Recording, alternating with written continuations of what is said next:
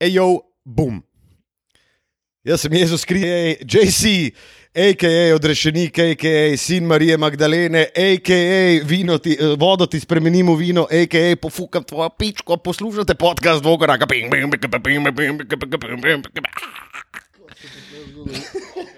pa tole? Ja, presenetil sem vaju, ker sta mislila, da bom eh, ejo, bum. My name is Big Shaq, ampak je bil to Big JC, moji črnci. Bravo, Luka. Dobro. Dobrodošli, dobrodošli v novi epizodi podcasta Dvokorak. Danes eh, na novi lokaciji in tilno bom prepustil ime ulice, ker ga jaz več kot očitno nikoli ne zadenem. Ne, Luka, dekar ti. Ja, jaz bi rekel Noer Štorbergerjeva. Vse tvoje izgovorjaje so, bolj, so boljše, kot dejansko ime ulice. In dejansko ime ulice pa je. Noj Bergerjeva. Če ni tega, če ni tega šeja, pa ni nič vredno. Mogoče bi Steinerjeva, Štorbergerjeva neki. Uh, 44. epizoda podcasta Dvokorak, če se ne motim. In uh, zopet eh, dobrodošli torej na Štombergasovi ulici. Štombergasovi ulici, Tile Lamut, Matija Kosmač, Luka Štocin. Uh, danes tudi, seveda, tako v ženski družbi, namreč v istem prostoru se nahaja tudi Tamara, uh, prelesna primorka, ki uh, nas je torej, obdarila svojo, svojo prisotnostjo. Kot- In svojim nasmehom tam le v zadju. Ja, seveda, uh, tako kot uh, nas je obdaril z vsem, kar imamo lepega na svetu, tudi naš uh, tokratni. Tokratni odrešenik eh, našega intra in sponzor današnjega podcasta pa je Jezus Kristus. JC Penny. Uh, sponsored by Jesus Christ. Oh, ja, uh, hvala, Jezus, da si se spustil nazaj na zemljo in pokukal iz vrtline po treh dneh, uh, ko si bil razglašen za mrtvega zaradi COVID-19. Uh, in da si nas torej obdaril s fantastičnim introm, veliko se je zgodilo v zadnjih dneh, tilno gre kar malo na smeh. Matija je že prej mičkam pohejto in jaz vem, kaj je njegov hejt kotiček. In, uh, tokrat ne bo se dotikal uh, do uh, košarkarjev in trenerjev, ampak uh, bolj kot ne košarkarske javnosti in uh, ljudem, s katerimi si bil ti v stiku. Ampak še preden gremo, seveda, zajadramo v te. Čakaj, o, o, o kom ti zdaj govoriš? Ne, o tebi govorim, Matija. A o njegovem hejtu? Ja, da že vemo, kaj je tvoj hejt kotiček. Mislim, jaz predvidevam, da, da vem. Aha, ok, Luka, uh, po mojem ne veš, ampak nadaljuj. Dobro, kako ste? Dobro. Zelo dobro. Tako kot smo že dejali, odele pit. Danes, eh, ja, moram pa pohvaliti Tilna, ki je, hvala fucking kurcu, enkrat eh, prožgal klimo in uh, da smo prijetno ohlajeni, tako kot uh, tale uh, staropramenski zvarek v, v rokah Matija Kosmača. Matija, ti si rekel, da si prav dobro štiri, kaj pa ti Tilen? Mm, jaz sem uh, odlepet. Ne, uh, zelo sem dobro, res pa je, da sem na današnji dan, torej sredo, nekoliko neprespan. In to je v bistvu trenutno edina stvar, ki me rahlo bega. Sicer sem pa zelo dobro in navdušen nad tem, da obstaja basket. Kaj te bega, da si ne prespan, če si delal po noč tekmo? Zakaj kaj te bega? Louis Bega. Lu bega. It's mambo number five. Te, te. Um, ja, Tilen, ti si imel uh, po noč kar double header, ne, tako da naj te ne bega, da si ne prespan, zato ker si ne prespan. Uh, in v enem upravil fantastično delo. Uh, Sedma tekma Denverja in Clippersov, ki se bomo danes eh, tudi dotaknili. Uh, ti si samo rekel, da si eh, prav dobro štiri, elaboriraj, prosim, Matko. Um, jaz bi se na tem mestu rad zahvalil vsem, ki so obiskali turnir 3x3 vodice 2020, še posebej pa Roko Jeraju, ki je močno pripomogel k še enemu uspešno izvedenemu in organiziranemu turnirju. Um, ja, drugače smo v redu. Takole, v, v, zdaj sem šele dojel, koliko so res hudi, da lahko operirajo normalno na teh eh, obratih, na katerih smo igrali. Mislim, res je težko, ampak obtičal sem med eh, najboljšo osmerico, sicer desetih ekip. Um, tako da uspeli smo preborbati eno zmago. Um, in to je bila že kar prva za uvod, tako da smo se pa malo sprostili in to je postilo svoje posledice. Pa seveda zabava, ki je sledila malce bolj zvečer. In pa seveda tudi vajen obisk. Pogrešali smo vaju v, igra, v vlogi igralca, ampak vseeno lepo, da ste prišla pozdraviti. Ja, ni problema, matka. No. Seveda za prijatelje si je treba čas vzeti, se poveseliti in včasih potrpeti. ne. Je rekel že veliki pesnik, eh, slovenski pesnik Andrej Šiš, Šiško, sem hotel reči, Andrej Šiško. Uh, big up tudi Andreju Šišku. Ne, v bistvu ne. ne, ne, njemu pa ne, stari. Njemu To pa res ne. Ne, njemu pa res. Ne, re, njemu pa res ne. Uh, ne, samo zato, ker je pač smešen, ker je tako neumen. No, pač. Ja. No, sam, zdaj smo pa spet pri TLC-ju, ne? ker ne, gled, ker ne gledaš mojega 300, gram, 300 gramskega. Moje najboljše Ker je to 300 gramsko najbolj, življenje. najbolj dilerski šov na televiziji. Moje 300 gramsko življenje. Dajmo ta reality speljati, stari pa slediš enemu dilerju tam na ulici. Brooklyna, kako hoče okoli s 300 grami H-a. Kar heroina, kar hora, tako je na horo. Ja, valjda. Jebeš, ne vem. Ne, bolj zanimiv. Jebeš MDMA, ne, kar tako je hora. Sej tudi na TLC-ju niso šli takoj na, sto, niso šli na 150 kg, ampak na 400, pa z viličami jih prepelejo na to bajto in jih snemajo, stari. What? Oh, to je bil dober reality show. Vsak ima 300 gramov rjavca. In un, ki ga prej proda, je zmagovalec in dobi za nagrado 300 gramov rjavca. In, vsak, in snema se cel reality show z uno kamero, ki imajo slovenski policaji, zdaj predno paralizator. Ja, to pa big up uh, policijska uprava Kran, ker tole, pa, kar ste vi naredili s temi videoposnetki, je pa čisto 24-karatno zlato. Kva bo ta vidva, kva bo ta?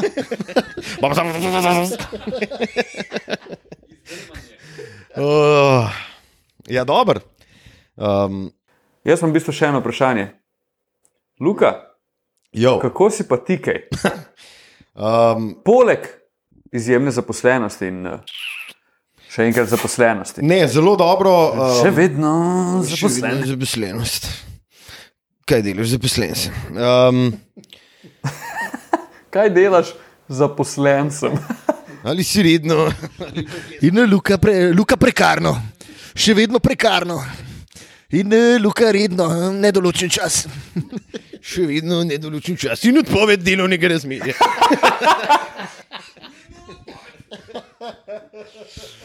Oh, Ivo se je zopet prikradel v naš podcast, iskreno upravičujemo. Uh, smo ga zaprli ven iz Noe Bore Šterngargereve, pa nam ni šlo najboljš, ker je zlezel čez balkon. Ne glede na njegovo postavo, je zelo spreten in zelo uh, gibčen model. Hotel sem pa reči, da danes sem imel pa po dolgem času, uh, sem imel pa močno orošene oči.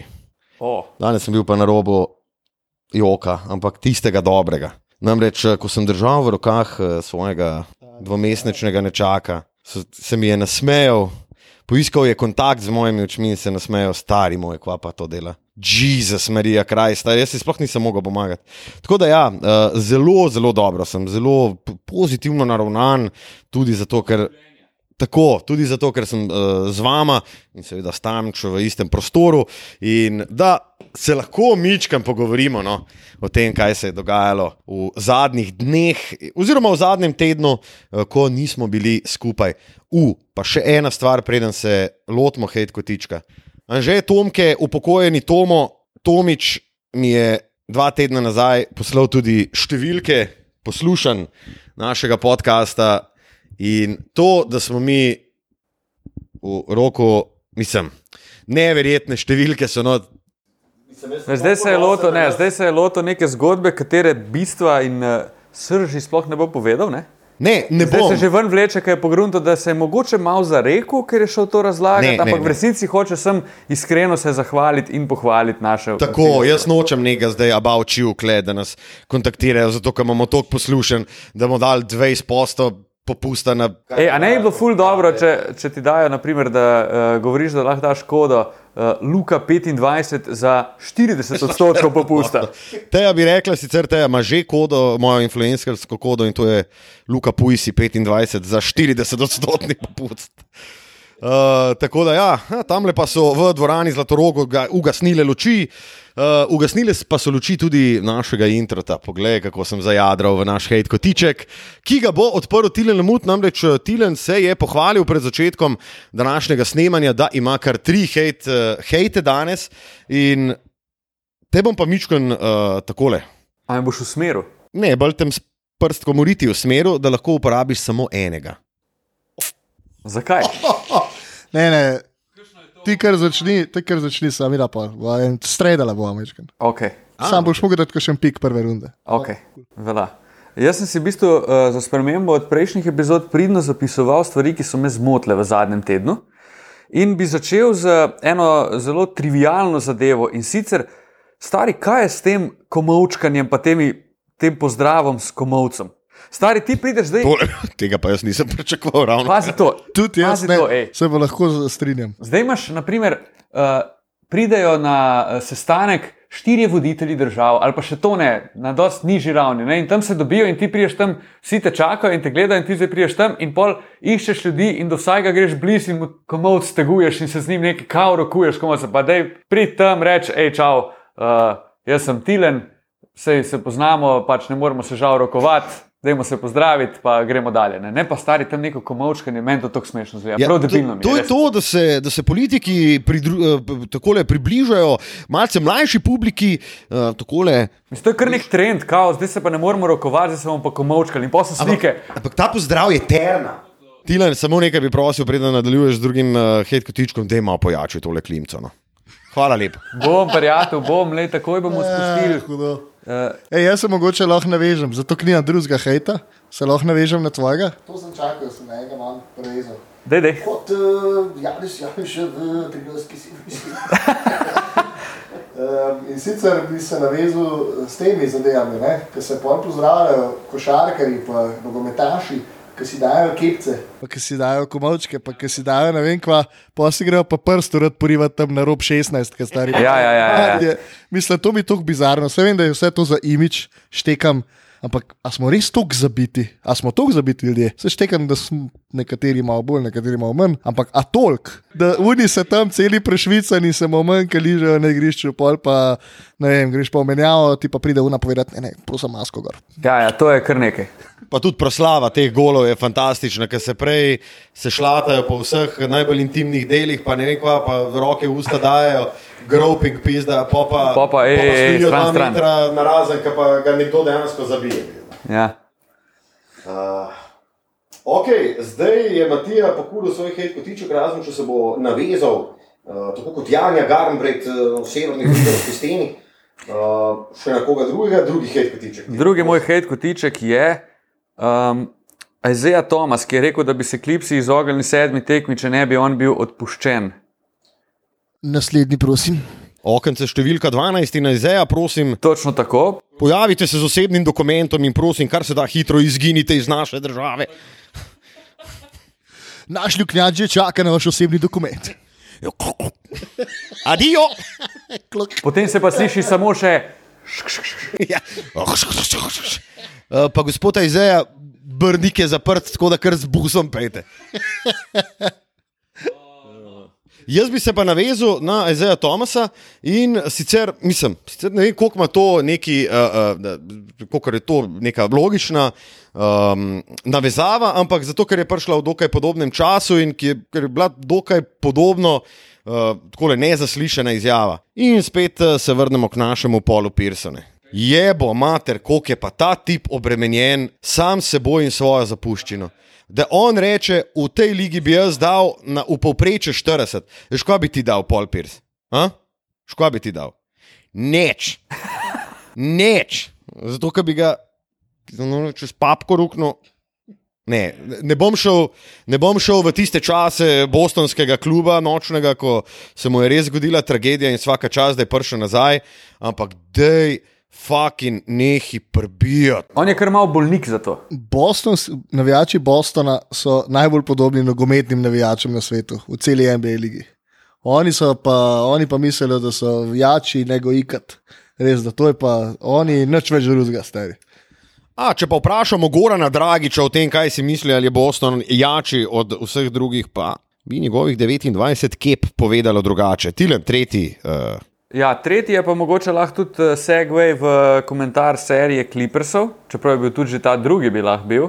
Ampak dotaknil se bom Kawaja po šesti tekmi, Kawaja po šesti tekmi in pa tudi Paula Georgea po uh, zaključku te famozne serije proti Denverju, torej danes po sedmi tekmi. Kaj je s tem odgovorom? Next question.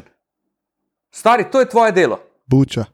Eden izmed, ena izmed, kje- tvojih, obveznosti, rekel? Ena izmed tvojih obveznosti je, da se pojaviš pred novinarji in da jim odgovoriš na njihovo vprašanje.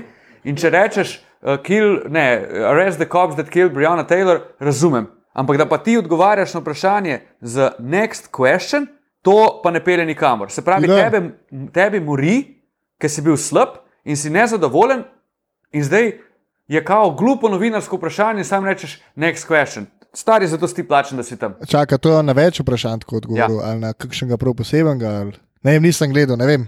Ne vem, če je bilo zdaj pet vprašanj takih, ampak vem, da se je pojavilo to next question, next question, ene dvakrat, trikrat v intervjuju Aha. in mi je to res Ker videl sem, skrajno neprofesionalno, se mi to zdi. No?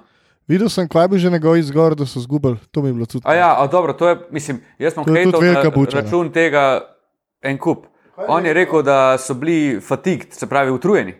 Ne, neki drugega. Pa tudi rekli so, da. Ne, on je rekel, uh, nismo čutili, da je to to leto, v katerem moramo osvojiti. To je velika buča. To je mogoče največja buča, ker jih je on uspel roditi v zadnjem času. Jaz mislim, da so se oni danes po tekmi delali, da so na sobotni tržnici tukaj v Ljubljani in so buče prodajali en za drugim. Ker to je bilo grozno, kako so oni upravičevali svoj izpad proti Denverju. Mislim, klipersi si niso v tem playoffu niti enega novega prijatelja našli, pa tudi če lep cajci ga ne bodo, po moje. mislim, tudi z njihovo igro so v bistvu izgubili. No, sej, sej, pač najbolj arogantna ekipa. A ja, a ti jaz povem, kdaj je bila to arogantna ekipa? Ja, Clippersi pod Okom Riversom, s Polom, Deandrejem, pa Blakeom Griffinom. E, in zdaj smo pa prišli do mojega hate kotička. In, in to je fucking Doc Rivers. Super trener, veliko zmag med aktivnimi trenerji, ali tretji po številu uh, zmag, ampak uh, mm, um, mm, uh, kva pa, kva pa, kva pa, kva, kva pa prstani ta star, ki so pa prstani, di je pečat, ki so pa prstani, ni ga, ne? Mislim, en je, ne? Ampak, uh, kva, s tremi Hall of Famerji, uhu, v redu, kva pa, kva pa prstani ta star? Mislim, koliko caj, da si v ligi, kva pa prstani ta star, kva pa persten? Mislim, bolje, bolje sporno to. Jaz niti ne bi tako problematiziral tukaj, da on ni prstano osvojil, bolj bi problematiziral to, da je on, kar se mu dogaja, ker je bil zdaj expozan s Clippersi spet s temi. On je edini trener, ki je večkrat zgubil 3-1 prednost. Trikrat. Ja. Šestkrat. Ne, tri ena, S tremi ekipami. S tremi ekipami šestkrat. Od 13 slučajev. no, če je pa to res, če je pa to res, pa pa prosim, dok, res odja, mislim. Oh, meni je, Bom še fact-checknil, ampak jaz sem preštel šestkrat s tremi ekipami. Ker on je zgubil uh, z, z Orlandom, s Tracyjem, pa pol z Bostonom, pa zdaj še s Clippersi. Pa že prej enkrat s Clippersi, v času Blakea, proti Houstonu, po mojem. ok, ja, to čist možno. Ampak, stari, dej, dej, okay, dej mi pol, dej mi pol tilen, no. Ti, ki si bil tak, uh, ti, ki si bil, ok, 3-1 ali 3-2, no. A ja, tako je. Okay, Do, Doc Rivers je trener, ki je s šestimi ekipami zapravil prednost v seriji 3-1 ali 3-2, od tega je bilo 3x3-1, pa 3x3-2. Ok, Tilen, zdaj mi pa povej. Uh, jaz ne dajem vse odgovornosti za ta poraz na Doka Riversa. To bi, bilo ne, to bi bilo nepravično, to bi bila velika krivica. Dej mi mogoče povej kaj v njegovo obrambo, ker jaz fucking ne najdem njegove obrambe, mogoče tudi zaradi tega, ker je moj um malce zamegljen, da je Doc Rivers že dlje časa eden najbolj dosadnih trenerjev, ko govorimo o pritiskih na sodnike med tekmo, s tem sarkastičnim, ciničnim smejanjem, z njegovimi izjavami. To, mislim, že takrat, ko so v bistvu s Clippersi igrali Paul, Deandre in Blake, ne, je, so bili Clippersi, mislim, da tri sezone zapored ekipa z daleč največ tehničnimi napakami, pa ne zaradi česar koli drugega, samo zaradi tega, ker so se non-fucking stop pritožvali in jokali. In on je še vedno isti. Jaz ne razumem, zakaj točno bi jaz zdaj mogel njega braniti. Ne, Razlog, zakaj ne, ali kaj. tebe sem pač samo izpostavil, da ok, a je moj um res tako zamegljen, ali mi ga lahko ti razbistriš in mi mogoče poveš. Če se mogoče motim, oziroma če pretiravam, in za te velja isto. man. Jaz mislim, da ima Matija ti že nekaj zapovedati. Ja, imam, ampak v bistvu neče njegov bran. Sem pa, uh, ne, danes sem eno zanimivo stvar prebral, Luka, da še menega, prosim. Hvala. Um, in sicer sem prebral zanimivo primerjavo z Badom, ne, s Ja. ja. Badom. Da v bistvu zakaj smo Badenholcera zdaj vsi nabili na kov, medtem ko gospod Doc Rivers ravno tako kot Bad ni bil sposoben se enkrat prilagoditi nasprotniku, oziroma se vsaj prilagoditi, prilagoditi rotacijo temu, kar kažejo njegovi možje na igrišču um, v celem playoffu. Tako da tle bi ga jaz dal v isti koš kot Bada, ampak samo v tej instanci. Ni to zdaj težava, ki jo ima Doc Rivers, to je težava, ki jo ima coach Bud. Je pa to težava, ki se je pač letos videla. Zdaj, a je to razlog, a je razlog za to mogoče v tem, da ima enostavno svoje ekipi preveč zvezdnikov, um, da jim pač mora dati minutažo in mora dati šute, ki jim je dal, ki jih je dal. Ali, ne, vem, ne vem, kaj je razlog točno. Zanimivo je bilo tudi to videti, ne? ko je Toronto rabo zmago proti Filadelfiji na tekmi za izpad, je Kawaj vrgel 39 šutov, včeraj je vrgel 24. No, In več ali manj je na vsaki tekmi vrgel isto. In na trenutke je res gledal mal pasiven, glede na to, kako dominanten je lahko zgledal na trenutke. Ne? Nikoli si ni vzel tekme. Je igral, tako kot smo rekli, 29 pik njegovih je bil več ali manj fiks do te zadnje tekme praktično. Ampak zakaj si pa on pol ni vzel teh svojih 40 čutov, če bi jih realno mu jih noben ne bi zameril? Dej, fanta, mislim, snemamo podcast, zdaj imamo s temi telefoni. No. Jaz sem preveril, ker mi je bilo malo čuden, koliko šutov je imel danes. A Kawhi. ni imel kul. 22, vse no, kul, super. takega. No, jaz ne morem reči, da ni, jaz nimam obrambe za Doka. Pač on je eden izmed, on, on je en v seriji krivcev za to, da, je, da so kliprsi spet pod njegovim vodstvom izpadli. In mene to, da imajo kliprsi še skozi potrpljenje z njim, ful preseneča. In me ne bi presenetilo, tudi če rečejo, ok, stari, zdaj pa dost. In da če ne druga, tudi če ga ne odstavijo zdaj, da mu rečejo, ok, lej, drugo leto finale ali pa greš. In se lahko posloviš tudi sam. Mislim, finale ali pa gre s Polom Georgem, pa Kawajem Leonardom, pa dvema najboljšima šestima igralcema je. Če jim povedati, prsten, prsten ali pa greš. In zdaj pa pridemo do tega, ko bi se jaz šel malo naprej in rekel, da vseeno pa ni to sem njegova krivda, ker bi en tokenga sranja mogel Kawhi Leonard, glede na to, koliko se Kawhija čisla, da je fucking najboljši vseh cajtov tukaj, da ne. No, dobro. Pa, pa po taki tekmi stari bi pa mogli ga po, konkretno, konkretno povrežati tudi za njegovo predstavo, ker Kawhi Leonard Pa vse so ga. Dame in gospodje, je bil, on ni bil niti statist, stari, njega ni bilo.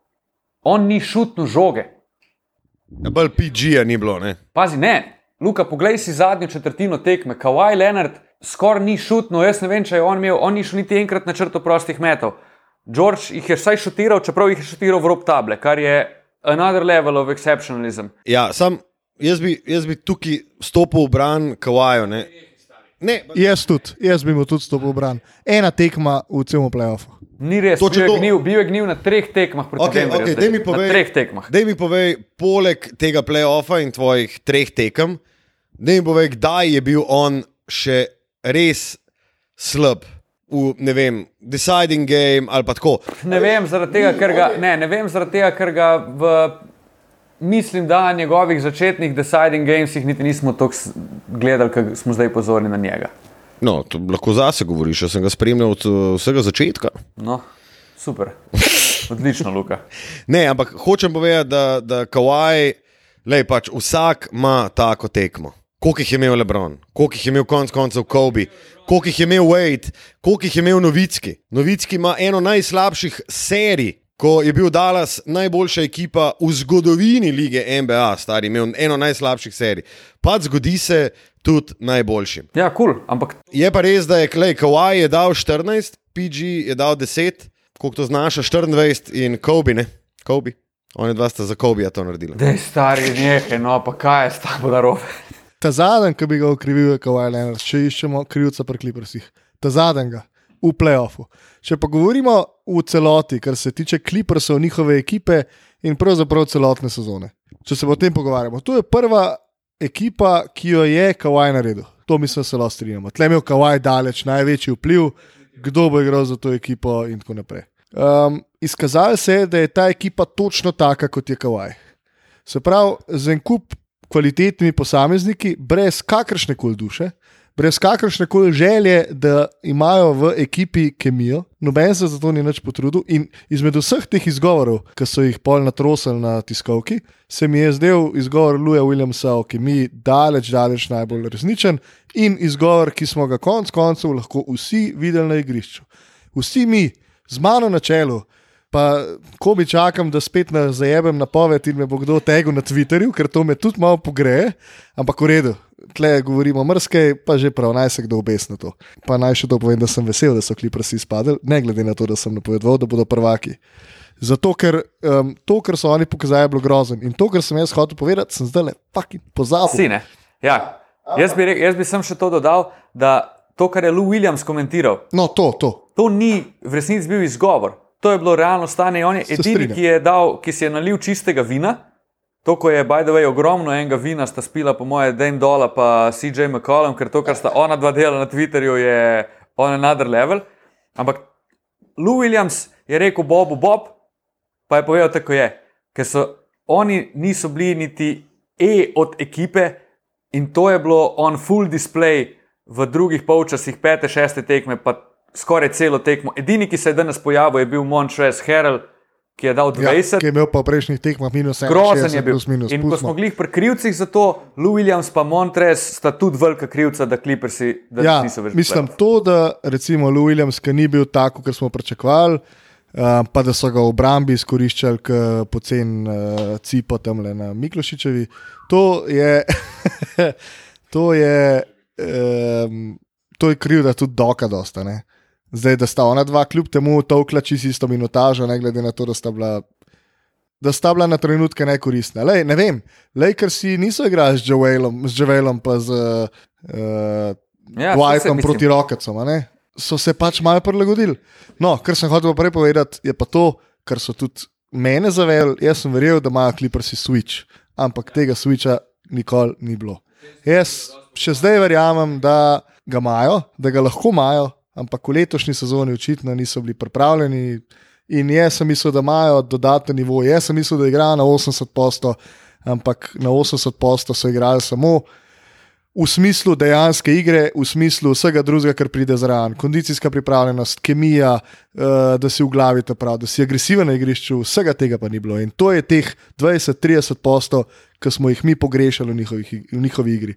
Zato je stvar zgledala, da igrajo na pol. In to ti tudi v playoffu ogromno prenese. Ne? In Zdaj, če iščemo, ker smo si že mislili, da bodo igrali Lakersi pa Clippersi ne? in da bo to finale zahoda, ko pomisliš, Lakersi so mogoče ne v prvi rundi, ampak v drugi rundi, zdaj so pa oni dejansko zgledali kot ekipa. In so se bodrili med sabo. In tako si omenil, Javel pa Dwight sta čist izgubila minutažo, nista igrala tri tekme nič. En, ok, par sekund na tej, ta, ta zadnji, ki je bilo itek blowout. In bila sta največja navijača Lakersov. Pri Clippersih so pa ko ene mone se obnašali na igrišču. En do drugega, pa sami do sebe tudi. In sem odmahovali, uh, spomnimo se teh ekscesov, Markoša Morisa, uh, vse so bili sodniki krivi, oni nikdar nič. Ja, pa Flailing, kar je govoril Beverly. Ogabna ekipa od A do Ž in tako se reče Matija, brez kakršne koli duše, srca, želje, volje, energije. In, mislim, res, hvala Bogu za ta Denver. Jaz sem te prej vprašal, Tilan, a mogoče znaš točno povedati, zakaj so Clippersi izgubili, pa mogoče je to, kar si likar rekel, ja, je najboljši opis. Sem pa matko mislil, da boš uh, se. Uh, tako pri teh klipersih, ki si jih pa seveda čislal in rekel, oni igrajo na 80 postov, dotaknil tudi kakšnih komentarjev, tako na socialnih omrežjih, mogo, mogoče iz uh, zasebnega življenja, uh, ki so, ma se si ti prej zelo dobro povedano. Zakaj ti gre, mislim.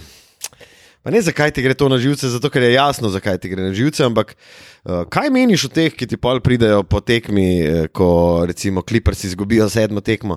E, kvaš pa zdaj, kvaš pa zdaj, ker kliprsi niso šli naprej. Ah, te, mislim, po eni strani mi to tudi malo se dopade, zato ker uh, se itak, Da se ne lažemo. Ker se desi mečkaj radi prcamo. Mi je pa malo smešno, no, da se tako le lovimo na tem, o, kva si pa rekel, ej, uh, ja, mislim. Valjda, zmotil sem se in to v tem podkastu že najmanj 42. In še najmanj tolikrat se bom, in mislim, da je to lepota vsega, lepota vsega tega. Ja. Že naš eh, gost eh, tokratnega intra, JC, je rekel, da odpuščati je božansko. Pa še tole, kdo dela, se moti. Kdo dela, greši. Jaz sem tudi imel enega, ampak imam zgodne znake demence in sem seveda pozabil. Uh, Noč. Jaz bi dal še en komentar, pa bi se navedel. Motiti se je človeško. Lepo. yes. Tako da vsi mi smo ljudje, nismo plesalci, kot so rekli The Killers. Um, v glavnem, ja, ker sem hotel narediti primerjavo, um, ki si jo že ti mečka na nudu, Tilč, Lebron, ne, pa to, da je on voditelj ekipe Lakersov in da so Lakersi izgledali kot ekipa. Um, tle je en del, ki se ga mogoče doskrat spregleda. To, da je Lebron pa odigralca, da je tudi človek, ki meni to mod, da, on, da je on GM, trener in vse ostalo, ampak zadeva ima kar precejšen uspeh v tekom njegove kariere. In tudi dejstvo, da se on zna svojim, svoji ekipi se zna prilagoditi, se jim zna približati, jih zna voditi. To, kar recimo jaz sem prepričan in to sem tudi že večkrat povedal, Paul George, ok, za koga vemo, koga je robot. Od njega ne pričakuješ tega. In mislim, da tudi noben, ki se z njim, ki z njim igra, ne pričakuje tega. Ja. Od Paula Georgea, ki je bil meni zelo ljub košarkar, eh, ko je še igral za Indijano, mi je bil nor. Ampak od takrat je šel pa to kurac, čisto po domače povedan, tako se obnaša, kot je ena primadona in mi gre Res hudo na živec. Ja. Obnaša se, kot da je že sedemkrat osvojil.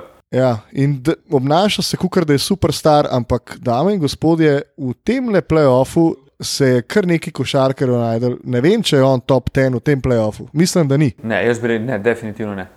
Definitivno ni on top ten. Nikakor. Zelo na živce mi grejo Lebronovi, no, Luka bi rekel celo ne top 20, s čimer bi se mogoče lahko celo čistrinil. Um, nisem hotel preveč zapretirati, ampak se vemo, kaj govorimo. V glavnem, ne grejo te Lebronove scene, ker mora vsako stvar komentirati, mi grejo na živce. Ampak, kot sem rekel, zna se približati svojim igralcem, ekipi. In ja, to je to, spet playoff, spet playoff Lebron in spet Lakersi, Je v bistvu klip, ki so boljši iz minute v minuto. Nič novega pri njih. Ne. 50 let so v ligi, pa 50 let niso prišli niti enkrat v, v finale. Ne. To je bilo osmič, da so se potegovali, zato pa jim ni ratalo. Ne. Uh, bi pa mogoče zdaj uh, obrnil debato na nekaj pozitivnega, ponudil mikrofon tudi Luki. A niso kliprsi bili v finalu še kot San Diego? Ne, ne, ne. Dobro, dobro, dobro verjamem. Na nudi mi. Na nudu bi ti malo joleta. A, jole, ja? Kdor si ni pogledal tekme številka 7, naj si jo, ali pa vsaj neke highlighte si dajte pogledati, une 10-15 minutne.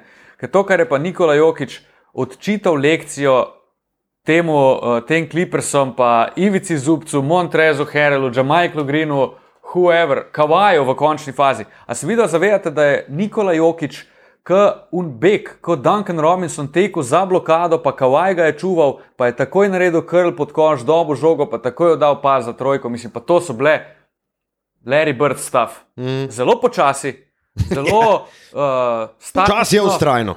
Ampak to hudo zagledati, fuck, ej. Ej, jaz sem bil na začetku tega babla zelo negativno presenečen nad Slim Jokičem. Ne? Slim Shady Jokič. Pa se so dejansko slabo igrali. Ja, so, ampak kar pa zdaj kaže, ne? to je pa Unjokič, ki, ki ga vsi hočemo gledati, s tem, da ima 10 km manj in da, da je mogoče en korak, en korak hitrejši v, v kontro, ko se vrača v obrambo. Lej, se govorimo o enem koraku, se ne, pizda, materna. Da začnem govoriti, že začne delati. Ne, a, mene, a ima res stari, a ima res jokiš 10 km manj. Meni se sploh ne zdi on res hujšen. Ma je, no, je. Dobro, 10 kg manj, se je lahko to spremenil v mišič, mišično maso, pa ima, ne vem, 3 kg manj, pa je pač bolj suh, pa bolj ript, kot bi rekel, lahko ript. Uh, ampak ja, uh, jaz bi se strinjal, da Jole je velik, velik doktor.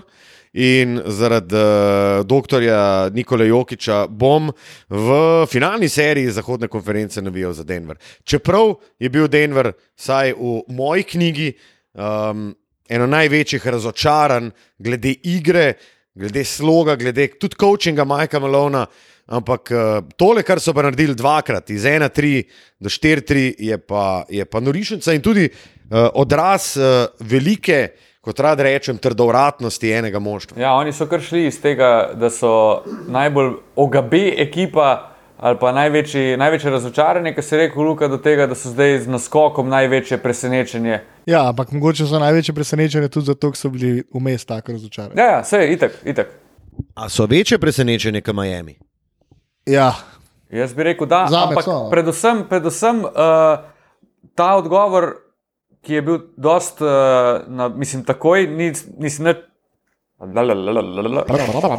Nič nisem niti razmišljal, ne, je bil mogoče glih zaradi tega, ker so bili na začetku ful razočarani, oziroma so bili slabi, pa pol malo spremeniš kriterije in zdaj je to wow. Ne, če bi igrali konstantno dobro, ne bi bili itak da tako presenečeni, kot so zdaj. mislim, meni je Denver ena ljubših ekip v ligi, uh, zaradi Joleta, zaradi uh, nasploh vsega, kar je uh, tale, kva je, no?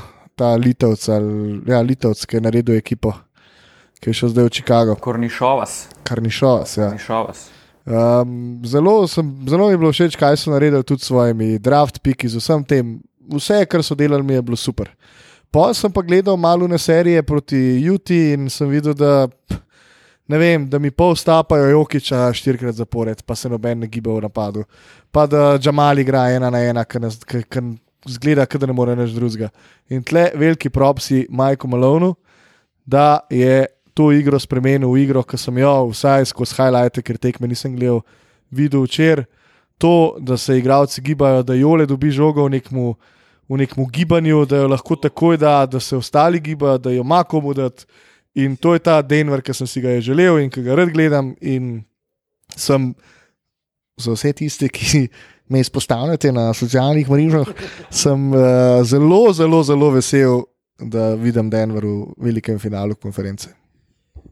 Še eno hitro vprašanje. A je Jole top 5 passing big man v zgodovini?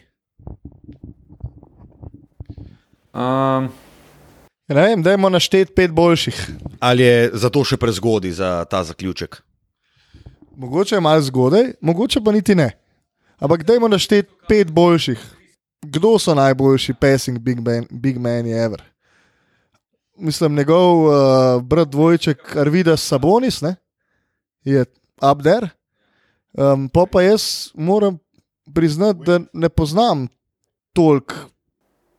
a so bili oni res tako dobri da- passing? A je men? res tako dober passing big man, Ja. ja. če bi žogo 40 minut v rokah? To je spet ista fora, kot Russell Westbrook, ki je imel 10 asistenc. A da jih je imel, se je od unih 40 žog, ki jih je podal na tekmo, pa valjda bojo 25 posto zadel. Mislim, ne vem, tudi zato Russell Westbrook je drugače, znaš gledati analizo, full dobro v pika roll igri, drugače meni on kot organizator igre v Ligi NBA slab podajalec. Oziroma slab organizator igre, podajalec je pravzaprav dober. Ne vem, ne, vem, ne poznam dosti, da bi rekel, da je on top 5 passing big man. Mislim, tu v bistvu gledaš sem centre. Bill klasične, Walton, ne. Bill Walton je bil dober passing. Bill Walton je bil zelo dober passing. Game. Ampak da pa zdaj se spomnim jih pet, ki so boljši od Joleta. pf, Če bi na pamet ne. mogel reči, bi rekel, da je med top 5. Ne? No, sej, kot smo mogoče na začetku rekli, je mogoče za take uh, zaključke pre, prerano. Preuranjeno. Ja, um, tako. Zdaj pa gremo ne, spet na nehvaležen del, predvsem za Matijo Kosmača. Ki ga ljudje ekspozajo. in sicer bomo Se so malo tudi. Ja, vse so naj tudi. Ja. In sicer bomo malo pokomentirali tole prihajajočo serijo Denverja in eh, Lakersov, ker smo jo sicer že, ampak a ima Denver orožja, predvsem v obrambi za AD-ja in za LBJ-ja. Če pa kaj ne smemo si privoščiti, je pa to na kakršen koli način podcenjevati Denverja proti Lakersom, pa reči, kar sem danes je bilo ogromno pogovorov in različnih sporočil na to temo. in je kar, a zdaj proti Lakersom pa itak nimajo šans. Stari, kako lahko rečeš, da nima šans ekipa, ki je dvakrat prišla iz 3-1 nazaj na 4-3 in izločila glihka ekipo, za katero smo vsi mislili, da bo vsaj finale igrala, oziroma vsaj z Lakersom, z Lakersom se bodo dobili, da ima najboljšo ekipo. In pa reče, a zdaj proti Lakersu pa nimajo šans. Stari Denver ima šanse proti čisto vsaki ekipi, pa tudi dokazali so, da vedno jih, mislim, da jih nikdar ne moreš odpisati. In jaz ne vem, kako lahko oni zmagajo Lakerse, ampak ne morem pa tudi reči, da sem prepričan, da jih ne morajo. Ker bodo že nekako našli nek način, ne vem pa kako. Jamal Murray bo mogel biti nor in bo mogel izdominirati Grina, Karusa, Ronda, pač vse njihove branilce in bo mogel imeti spet serijo, ki proti Utahu. V nasprotnem primeru težko. Ful zanimivo bo videti, kaj bo ta naredila iz en iz drugega, v bistvu Jokič pa Davis, ker Davis bo Jokič, mislim, jaz mislim, da Jokič sploh Davisa ne bo pokrival v obrambi, Ne, ker če pač, ker to bo Jaz Olenca, ne? bi celo rekel, da bo prvi matchup na Davisu celo nek Jeremy Grant. Paul Millsap. Ne, Milsep ne, ker je liability v obrambi. Ne. Pač to se bo, mislim, jaz bi rekel, da se to je problem, ne, da Denver ima pol liability v obrambi in na štirki in na petki. Ne. Maš pa tukaj, jaz bi zamenjal in Millsapa in Granta bi dal malo in pač okromno enih ljudi bi spustil na tega Davisa, pa pa živiš s tem, kar bo on naredil. Ne. Okay. Ker tudi te ljudje isti, če tako gledaš, morajo braniti Lebrona. Ne? Kdo pa Lebrona, ali boš dal Milsepa, ali boš dal Granta, ali boš dal uh, Porterja, tudi ne boš dal, Se zdijo na trenutke mogoče to napačno vprašanje, koga boš dal na koga. Glede na to, koliko je vse več uporabi, recimo, cona, tudi v MBA. Sploh, ko imaš enega Jokiča, ki se ne more gibati na, na, na prevzemanju pika. Um, moje je to napačno vprašanje. Jaz mislim, da pot za Denver je ta, da igrajo dobro ekipno obrambo. Jaz mislim, da ni tle vse to ti boš tega proti Tega, Clipsom. ne. te, tega mislim, da ne moramo reči, da, da to obstaja. No, se mi zdi.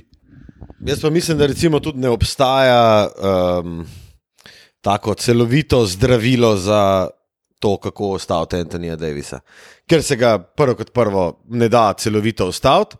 Drugo kot drugo, pa jaz sem jih hotel reči, da je po mojem edini način, kako res Lakerse mučati, je mogoče celo cona, dejansko. Zato, ker Lakersi spomnimo se, Uh, koliko so imeli, predvsem v rednem delu tega babla, koliko so oni imeli težav dejansko šuti, stari, ki ga Danny Green ni mogel dati, Karuso ni mogel dati. čas Caldwell Dannyja Pope. Greena, stari. Danny Green bo zdaj, ko Phoenix iz pepela, začel jih trositi, kot velik. Stari. No, ja, ampak jaz, če sem Mike Malone, pa hvala Bogu nisem, ker drugač bi najbrž v D-ligu izpadel v ne vem, Dominikansko ligo, kakorkoli.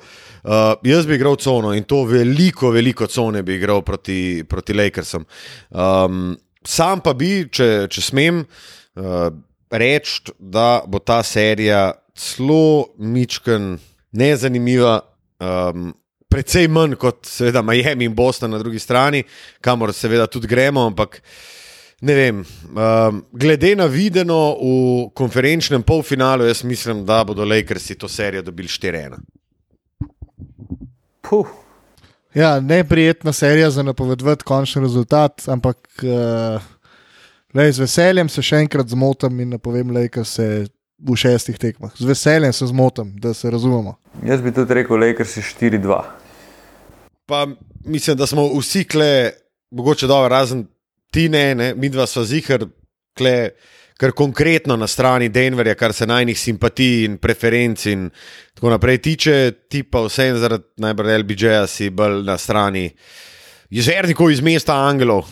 Naj opozorim, Luka govori o meni. Ja, ti, Tilen. Tako.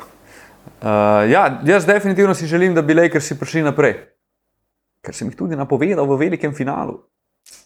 Okay. Ampak, uh, če pa Denver gurne iz playoffa še Lakers, bo meni čistkul.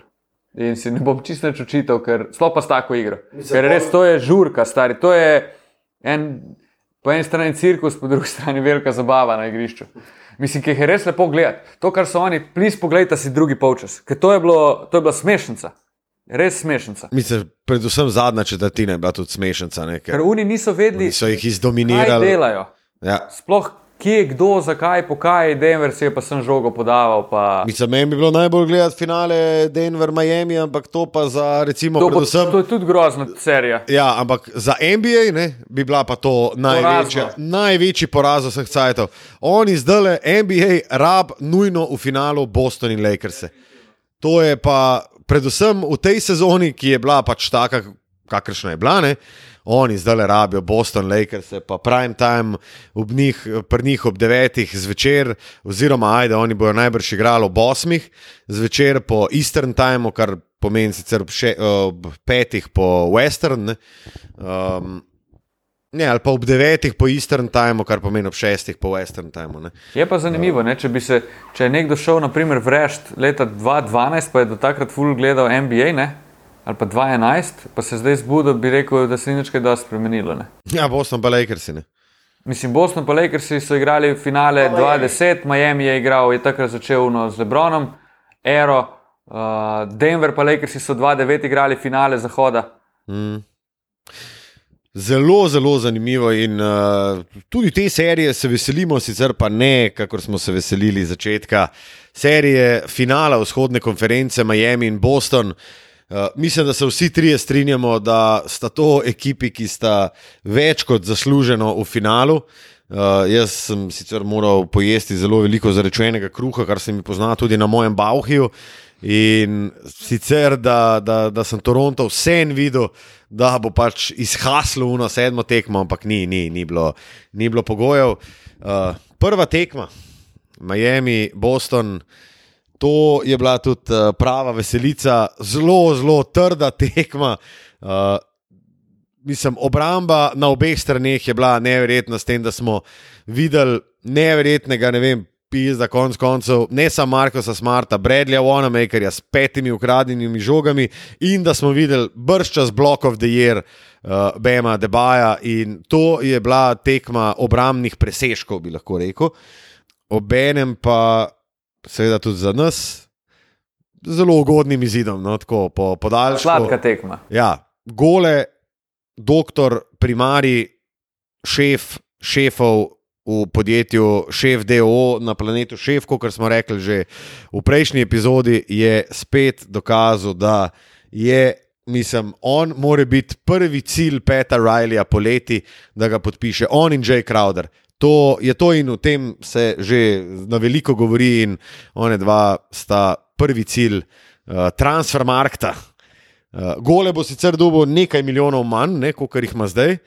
Jaz bi rekel, da bo gole dobil, da bo podaljšal za eno leto mastno, pa bo pa čez eno leto podaljšal še za koliko bo pač hotel, za veteran minimum varianta in gre. Ali to, ali pa bo dobil pogodbo, ki se pač vsako leto zmanjšuje. Jaz mogoče celo, mogoče skoraj bolj verjamem v to, da mu bojo dali ta cash, ki bi mu ga čez zdaj vrgel, dal v roku treh let, s tem, da je pogodba najvišja v prvem letu in se niža v letu dve in tri. Uh, spomnil sem se fulhene zanimive analogije. Hmm.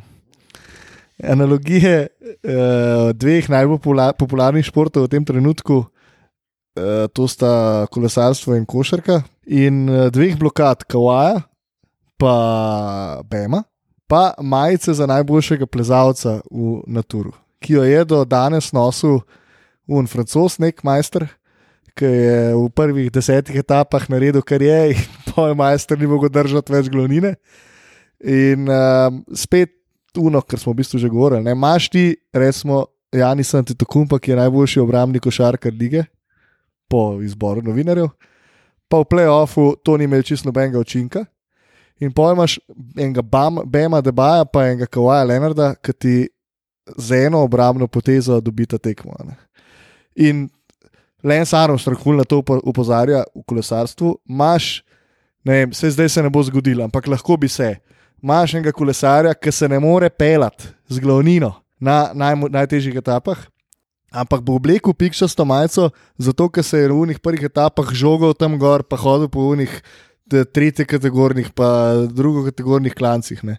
In kaj ti naredi, mislim, kaj res pomeni biti dober igralec in dober obrambni igralec, in kva sta pokazala zanč, kawaii, zuno, you, banano. Ne. To sta bili dve tako nori, banani, stari, pa v katerem trenutku je BM njega pretegnil, pa to je, bilo, to je bila poezija, stari. Ampak un, un close-up, pol, ki je njemu dejansko zahakalo, on je dobesedno nastavil dlan, mislim, izpade slika, ne, nad koš in je rekel, a ja, ne, ne, Ja, na šlo parjatu. On je lahko potem, po tej blokadi re, rekel sam, rip moje levo zapestje. Ja, ja. Pa, kar je bilo pa meni najbolj impresivno, je pa z offhandom šel na blokado in ga je na limu, na limance, kot nalepko v panini albumih. Stari, da meni Jason tako le zarine roko v mojo roko, jaz salto naredim. Ja. Da ti ne bo Jason še kaj zarinil nekam. um, neverjetno zanimiva serija nas čaka. No? Uh, jaz moram reči, da se neizmerno veselim, pa tudi če to pomeni, da vsako drugo noč eh, ostanem, takrat, ko ostanem, kakorkoli, ampak to bo, to bo, to bo taka zabava. Obenem pa moram priznati, da pa to mogoče vidi tudi poznata kot športna komentatorja, da stari moj meni je konferenčni finale. Ali to je isto ali West in finale, meni je to tak stres. Stari, to je pa meni noro. Jaz po vsaki tekmi, jaz sem gotov, res gotov, ampak stres mi je predvsem zaradi tega, ker ne vem, mislim, sploh ne znam povedati, ok, zdaj navijam valjda za Miami, sej razlogi so jasni. Ne? In valjda bom pod stresom zdaj v celi seriji proti Bostonu. Lakers si Denver bo manj pod stresom, ampak finale bo pač. Jaz imam zmeri, sem v stresni situaciji, ko komentiram te tekme. Stari, samo zato, ker, ne, ampak, samo zato, ker vem, koliko je na kocki, vem, da so to zadnje tekme sezone, konc koncev meni, kot ne vem.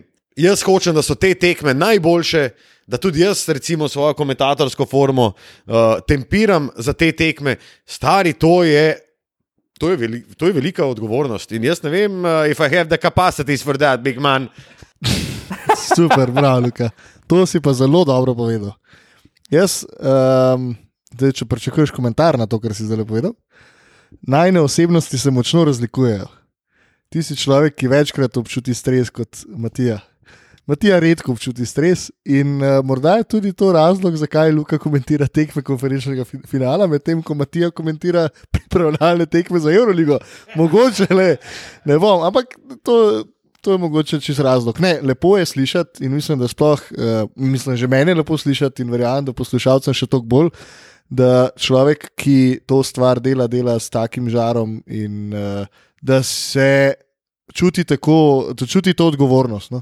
To je meni zelo lepo slišati, ker jaz sem mogoče mal preveč eh, ležeren in šalanten v teh primerih, imam s tem manj težav s stresom in imam mogoče s tem, težav, s tem manj težav, da bi si želel nekoga, ne tako, kot si zdaj vsi želimo Miami. Jaz sem mogoče v, zaradi tega mm, sposoben biti bolj neutralen. Mogoče. To, eh, če že iščem neko svojo pozitivo o tem, ker sem se ravno kar vrgel v smeti. Odpad Dinos za Kovino, Šlandrova ulica. Uh, moram pa reči, uh, Matija, Eh, Spet čas za kosovne odpadke, tako kot že v prejšnjem četrtletju. a kar vrži v bio, naj zgnije. Uh, moram pa reči, Matija, da uh, so se mi pa danes drugič rostile oči. Je bela cesta, kaj mi delate res. Uh, kva mu rekel, no, lega. Zelo, zelo nezadovoljen, Tilen. ki Pa, Zakaj sem nezadovoljen, Stari, ampak jaz pa moram reči nekaj. Ne? Ja, Zato, ker si v defenzivni pozi s prekrižanimi rokami pred Če svojim. zebe še stari, če si nažgal to klimo na 16 stopinj. Tako zdaj le še tilno malo pofafla, boš le. Aha, Danes pa klasičen trojček, v režiji la muč tu cinko smač. In tam menaže trois. Še vedno menaže trois in eh, pridružil se je četrti član tam naprej.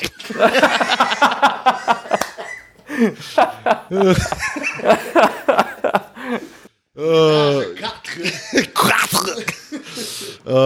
odlično, uh, velika zabava. Uh, Tilen, ti, to sem videl včeraj, no? uh, oziroma danes po noči.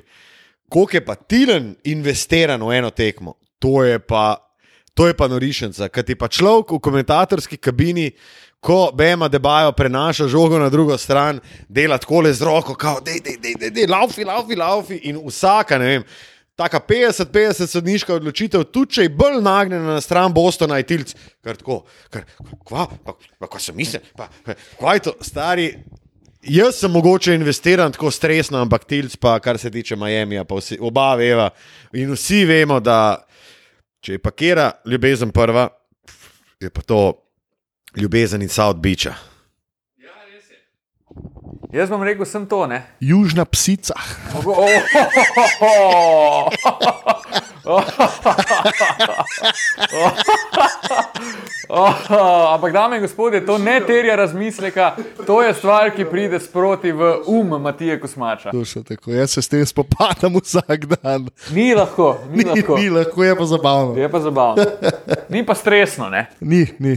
Jaz bi tudi rekel, da nimam toliko stresa v življenju, kot Luka. Je pa, uh, če se navežem na komentiranje takih tekem, ko enkrat prijemo do finala konference, pa pol naprej, na eni strani je itak odgovornost, na drugi strani me je skozi strah, da bom zaspal. Po tretji strani, kmalu pol več ne vem točno, ali se zbudimo ob 8 zjutraj eh, za službo ali ob enih za natekmo, ampak je pa meni šopa adrenalin na pune bombe. Pač to je, eh, ča, lahko bi govoril, pa govoril še sploh na tako noč, ki je bila danes. To je ongoing stvar, ki se lahko kar ponavlja, kar se mene tiče. No, tle se pa lahko poistovetim. Tudi jaz se spomnim, da sem včasih celo lažje delal te tekme kot tekmo v nekem prime time programu, vsaj po našem času. Ker si enkrat uh, noter, je to dober feeling. No. Cel žur je res. In kar se pa tiče Miamija, je pa to mi pa je stres, priznam. Res, ful imam rad to ekipo in meni je, jaz radem kar malo coach njihov in jaz bi kar malo šel z njimi igrati. In vse mi je, tako si Luka rekel, tu mač včasih, pa probujem se tu zadržati, pa ne preveč to izpostavljati. Sem, pa imam to srečo, da zdaj Gogi igra za Miami, pa smo dejansko lahko rahlo subjektivni. Ne? Pa tudi zaradi tega je ta navezanost še toliko večja, ker tudi v končni fazi njemu ful prvoščimo, po mojem, vsi. In res si želim, da Miami prije naprej, čeprav sem napovedal, da bo Boston prišel naprej. Pa še skozi me ne bi niti malo presenetilo to, če bi, ampak kar se tiče pa samega komentiranja, so to, to je ena velika, velika zabava, res. Moram pa jaz zdaj tudi malo pohejati, da danes mi je en kolega poslal en komentar, sicer ne vem, ali je bil iz Facebooka, Twitterja, foruma. A so bila spet branjevki? In Ne, ne, ne, niso bile, niso bila branjevki, ampak um, zelo zanimiv komentar je bil v smislu, ker sva mi dva govorila, kaj lahko Miami naredi, oziroma kakšne so opcije. In edine opcije, ki niso napovedala, je bil Jimmy Butlerjev End One. Tako, da mi, plis, povej, kako lahko kdorkoli napove End One, kadarkoli. Mi smo rekli, ok, oni rabijo to, Sploh en, dva v taki situaciji, ko imaš vse skupaj nič do konca. Ne, To ampak je bilo tako. uno, pizda, tako škodoželjno. A, lega, a, le, kako sta pametna, a pa pa Jimmy End One. Ja, pizda oprost, ker nisem vedel, da bo Jimmy End One, pa da bo nekdo naredil faul, tako kot nisem vedel, da bo Markus Smart se pizda flopno in, in izsilil un, uno tehnično, tehnično napako, obenem pa, recimo, lahko navežem tudi na današnjo tekmo celja. ne. Uh, mi smo dal ven, češ celje, igra, Albor, gol dol. In ne vem, tretji komentar po, tem, uh, po to novico, uh, to bodo zgubili, pika. In se je odjavil model. Tako, zakaj, zakaj, stari ti to delaš? No? Uh, zdaj bi Mislim, jaz na tej točki dajmo pozoril. ne, Tukaj Fantje. imamo zdaj, oziroma uh, drage poslušalke in poslušalci, meri ste iz prve roke, kako stresno je Lukovo življenje in kaj vse njemu predstavlja stres. In zdaj tudi razumete njegov komentar, da ko enkrat se pojavi na tekmi in komentira, ne, to je vse prej kot enostavno. In njegovo življenje je eno veliko, veliko stresiranje. Sploh v mesecu, ko se igrata konferenčna uh, finala in potem veliki finale. Ja, in nasploh uvid v življenje komentatorske trojice, ki jo tako radi poslušate, ste dobili v zadnjih minutah. Ne? Ja, eh, zanimivo, se nismo še nikdar v 44, oziroma 43 epizodah na tak način. Ja, ja. Ja, v četrti, v 44 smo se.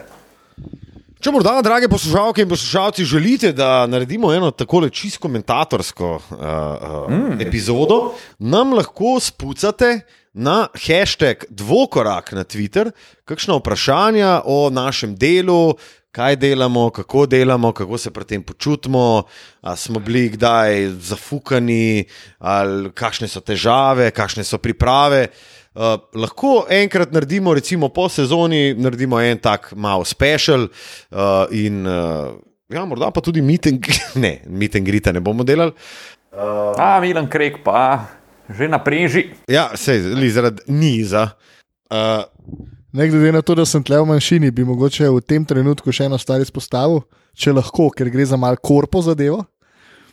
Um, glede na to, da verjetno poslušate tudi mlajši poslušalci, ki bi morda v svoji karieri lahko postali, uh, želeli postati komentator na uh, televiziji Sport Club, imate to možnost in vsem, ki bi radi postali komentatorji, uh, predlagam, da se prijavite in morda dobite priložnost, da se učite od zelo dobrega učitelja, ki je bil danes večkrat omenjen, morda ne poimensko, pa kako drugače, boste že vedeli, o čem govorim.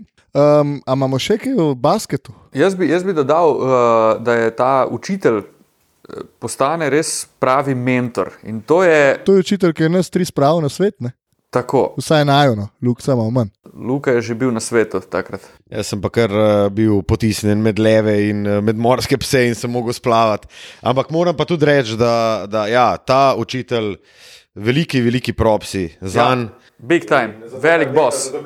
Konec koncev, če gledamo, je on 20-25 komentatorjev v zadnjih osmih letih res pravo na svet in med, njima, med njimi sta tudi vidva in jaz sem našemu mentorju neizmerno hvaležen za to. Kako smo sentimentalni? Jaz bi najprej rekel, da in to prosim, da močno upoštevate, karikiram, karikiram, da je Ivo Milovanovič meni in Tila Lamuta spočel, medtem ko je bil Lukaš Tucin kot komentator brezmadežno spočet. Ker smo že pržaj si v vodu. Ne? Tako kot Jezus Kristus, dame in gospodje. Oh, super. A imamo še kaj o košarki? Ja, kva bo zdaj, Miami, Boston? Jaz sem že to in to govorim že par let. Jaz sem že nekajkrat rekel in to govorim že par let. Bom kar še enkrat povedal. e, sem rekel, da bo Gogi usvojil naslov NBA prvaka samo v vlogi, recimo, temu drugega pleja, ali pa da bo imel vse prej zvezdniško ekipo. In jaz bi se zelo rad najedel tega dreka, ki sem zaradi tega, ker sem to govoril, noro. To bi bil moj najljubši obrok v življenju. Da Gogi, kot v bistvu najboljši, uh, pa najbolj nepredvidljiv napadalni košarkar novega NBA prvaka v svoji kanto, tega bi bil neznansko vesel, res neznansko. Jaz bi pa kar dopustil na 14 dni. Jaz bi definitivno vzel dopust, obenem pa, da se mi zavedamo, recimo, če se to zgodi, pa se Matija naje 250 gramske porcije kakane. Keke. Keke. Ricardo. Ricardo. Ej, ja, prijaš ven, malo glih sem šel keke. Lih strgam skreta dol, kar. What? Wow, wow, wow, wow, wow. Uh, pa smo zašli. Uh, ne, ampak a se mi zavedamo, da je lahko dejansko gole z igro, ki jo prikazuje, pa recimo, da se Miami prebijo v finale, dejansko MVP. Pač meni finale, to, jaz spoh nočem, jaz spoh nočem razmišljati, jaz, jaz iskreno nočem spoh razmišljati o tem, ker pa se ta uh, adrenalin, pa stres, o katerem smo prej govorili, to se sem še potencira. Stari, če pa Miami pride v finale, pa jaz bom zdaj dal zelo pogumno. Jaz zelo pogumno, spal 14 dni. Ja, zelo pogumno napoved, ampak jaz rečem, tako kot sem rekel za Miami, uh, uh, Milwaukee, sem, Mil, Milwaukee, Milwaukee, sem rekel 4-2, pa se je dejansko uresničil še bolje, 4-1. Jaz bom rekel 4-2 Miami v tej seriji.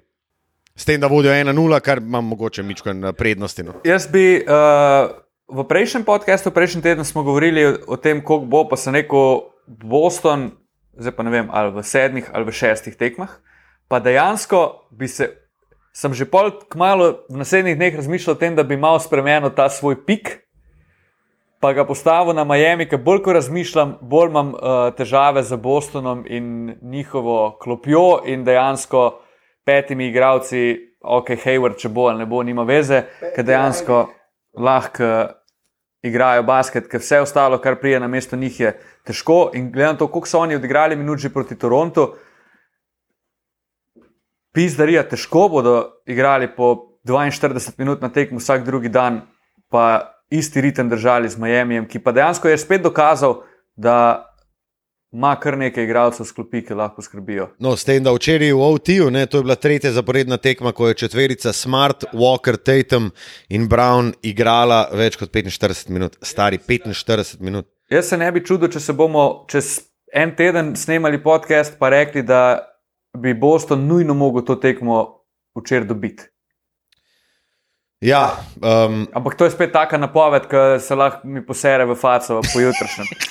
Kvaj najbolj stari, kad ti nam to reče, pa se jaz kar predstavljam, stari, kvaj z mojo domišljijo, stari, pa dobro. Mogoče ima izmed naše trojice Tilen za to stvar najboljši landing. landing space. O, oh, wow. oh, hvala, Matija. Oh, Jezus Kristus iz Nazareta, pejmo dam, stari. Stari, pristajalna pista 3. Let, uh, kak 72.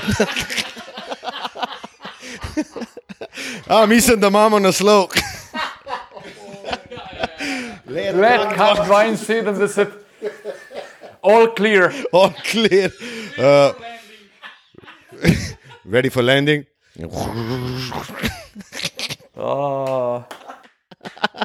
O, prosti, Tilen, malo sva se mogla. Uh, Ne, to je bilo zelo privoščiti, dobro no. zdaj in to so šale, ki jih z veseljem sprejmem. Oh, no, no. Če je le možno, se rad tudi sam na svoj račun pošalim. Jaz ostajam pri sedmih tekmah, če gremo kar nazaj na temo. Uh, Ja.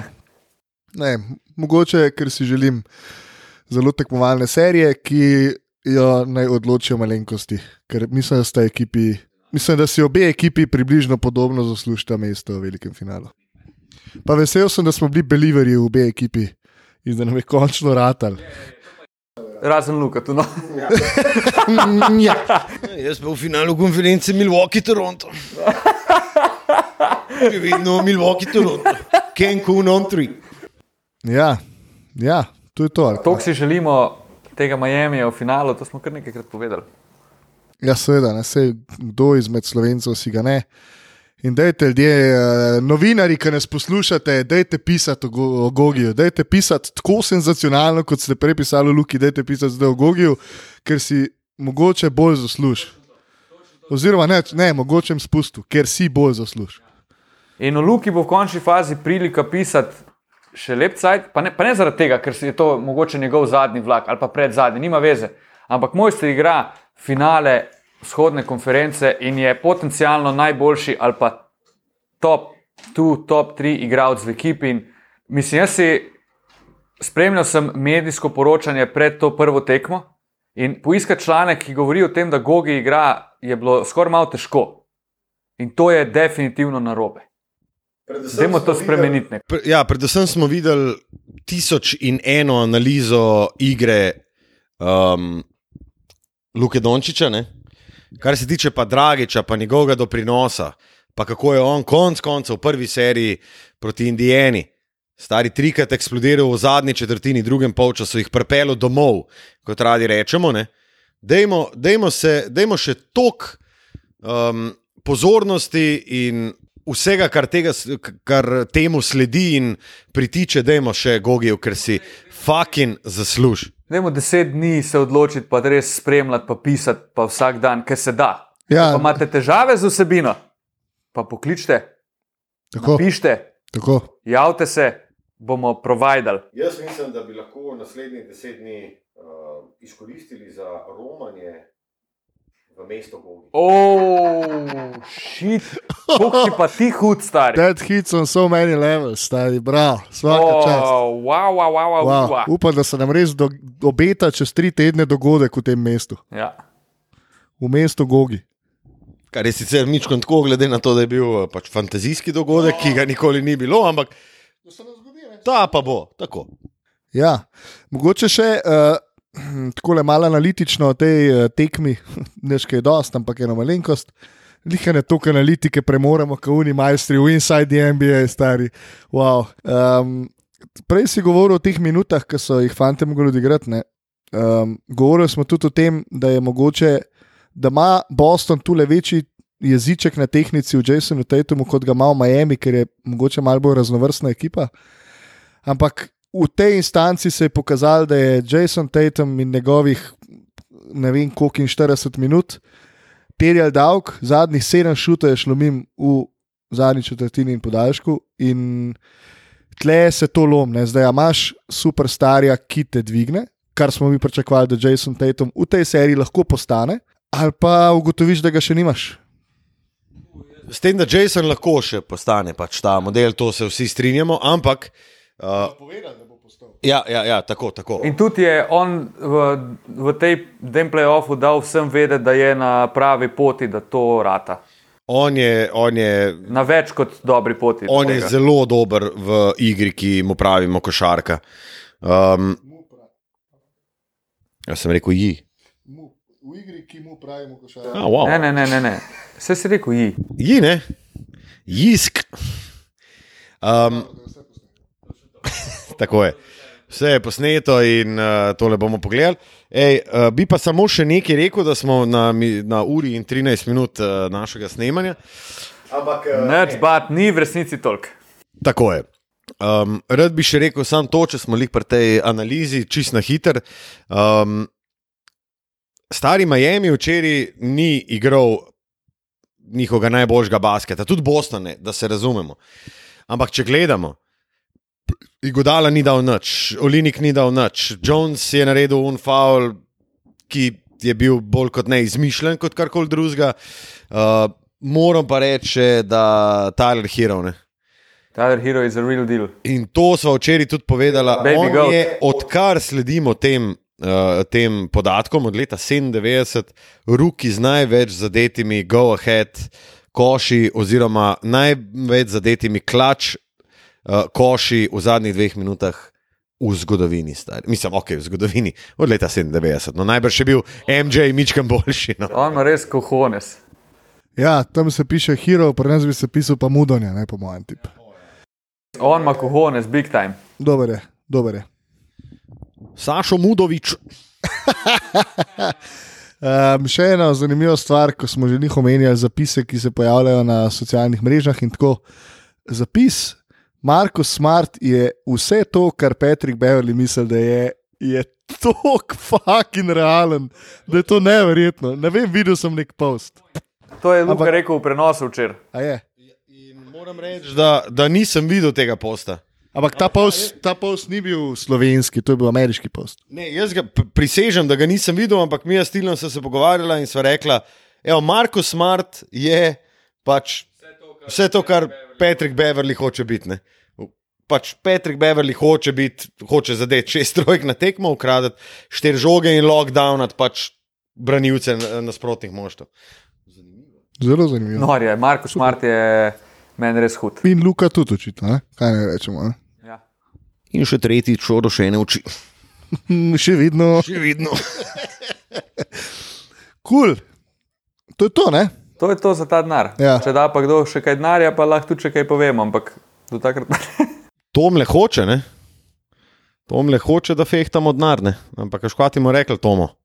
Tomo. Neče, neče proč.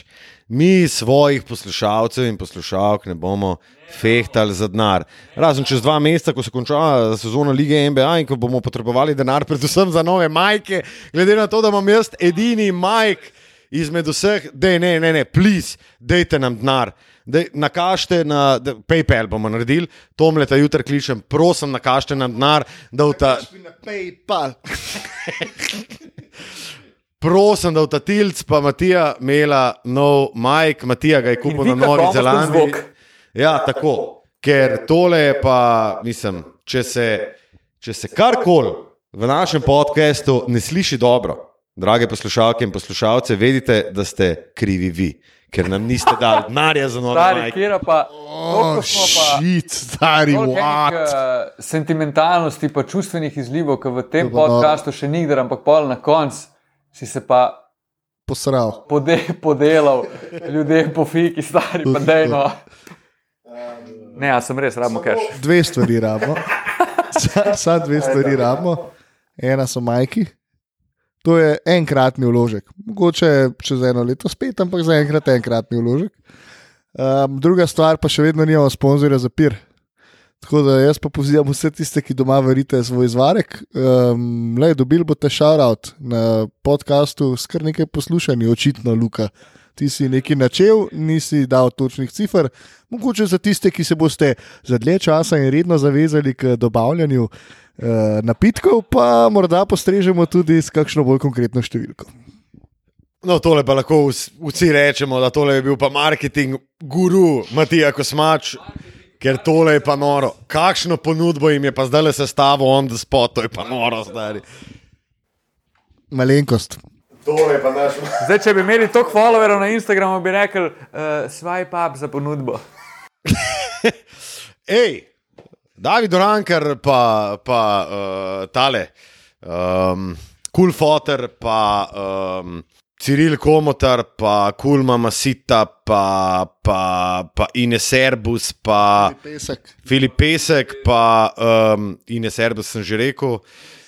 Uh, kvaj Ne, je ime Ine in se piše Serbus. Ej, uh, pa tudi uh, Nika Ho, Hozjan, Hoz, Hostja, Hostjan, Nika, Nika, kva je unapevka štajerska, no? Pri, prek Murska. Prek, prek Murska. A, ja, vem, kje misliš. Samo ona ni nika. Nika, Nika Hori, ho, tamč. Kako je? Nika Zorjan, je, bem ti nič. Nikica, uh, da nam slajden v DM. Ej, čak, sam se spomnim tole. Nagovarjanje, stari. Da se spomnim tole do zorja, konca. ne niko zorja, da je slajdi v DM. Ej, da se spomnim tole do konca. Zanj sem videl naslov v eni izmed teh tračarskih revij, pa bom zdaj prosil najprej za vizo. Skrit! Naslov je zvenel nekako takole: Nika ima novo ljubezen, klicaj. In potem jasno, človek kot sem jaz, ne, ga te zadeve zanimajo, a, ja, je šla še ena, še ena je šla, pa sem imel šanse. In kliknem na link in pogledam. In ima ta, ta ista Nika, ima novo barvo las, v katero se je jasno zaljubila. Oh. In jaz sem, kul, cool, v redu, s tem lahko živim. Ja, ja. Vrata so še vsaj priprta. Ampak to je bil klasičen. Skrit! Uh, sem pa tudi jaz zadnjič prebral nekaj o Tari Zupančič in je bil stari un naslov, pa se ga ne morem spomniti, ampak un je bil pa stari politično nekorekten v tri pičke materine, pardon izrazov. A tako kot tudi tale komentar. Ne, tako kot ta cel podcast, ampak to je bilo tako, ne vem. Um, niti ne tako dvoumno ali pa nekaj, ampak tako, ne vem, bajkeri so jo narinili, neki tasga. Tako, ne, ne, zdaj pa se. stari. Oj, oj, oj. Stari, koliko predolg mi to snemamo, že dej, to je konc. Gremo, adijo, hvala lepa. Uh, torej, Ciril Komotar, minuta, naš sicer zelo dober A, prijatelj. Še eno, ja, Ja, kurva, zdaj pa še zmotone. Ne, ne. Uh, v soboto smo selili Luko Štucina na našo novo uh, HQ, headquarters lokacijo, blizu Kolezije na Viču. Zaživela bo, ko bodo nehali prenavljati tržaško, zato ker eh, je Matija že izrazil nezadovoljstvo, da je predolgo trajal. Ja. Skratka, eh, med uh, selitvijo iz Koroške ulice 10 eh, je bilo opaziti, da Luka v svoji posteli skriva revijo Suzi. In če in mogoče, ko smo ravno pri marketingu, ta podatek pove več kot dovolj, da bi se v Lukatovem predalniku na novem naslovu, na Mencingerjevi, uh, lahko znašla letna naročnina na Suzi, ker kot kaže, brez nje ne gre. Ja, še nekaj bi rekel. Ne? Polk se je že vse skupaj preselilo, za kar si poskrbel v veliki meri tudi ti, Tilen, ki si takrat pomagal. No, ja, ne ravno v veliki meri, vendar. Sem ma- malo manjkal takrat zaradi drugih obveznosti. No, pustimo to ob strani. Uh, naš, uh, naš kolega, ki je bil brezmadežno spočet, verjamemo, da če bo spočel, bo vse drugo kot brezmadežno. In to na posteli, ki sta jo sešraufala, Uh. tile na muti, tija kosmač, dame Ja, in ja. gospodje. Ja, tako da. Merkur sam svoj mojster. Tako. Tako da, glede na to, koliko sem jaz zategval, po moje bo Luka fajn nategval. Ej! Oh. Wow. Uh, Hvala za vašo družbo. ja, hočem to teja oprosti, ker se je to zgodilo. Mislim, že zdaj smo na uri 22, boh ve, kaj bo, ko bomo na dveh urah 10. Zdaj bomo pritisnili konec. Ja, in uh, hvala za vašo pozornost v epizodi 44. Naslednji torek, sredo ali četrtek se zopet slišimo. Uh, vseh, no pa da še povem, ne, da izdam naše številke vseh četrt milijona slovencev, ki. Kva? četrt milijona, pisa, ker ti- fucking cel ekran, pa mariborska pisa. Uh, Luka v resnici ne ve teh številk. a, vem, vem. Ja, ja. In zdaj ti bo povedala, in se už fuknil dol z balkona, ker boš tako presrečen. Ej, noro. Uh, by the way, glede na to, da so toliko dobre cifre, mi res rabimo denar. Torej, uh, Tomle jutri pričakuje mesič, naredi nam PayPal, PayPal. Bojan, Jokič, ja, Stadion. stadion, Mm. Ja. Ah, Levi, Bežigrad. Liber, še. menci gre, Ja. dvokrat, pičke, Ja. ja.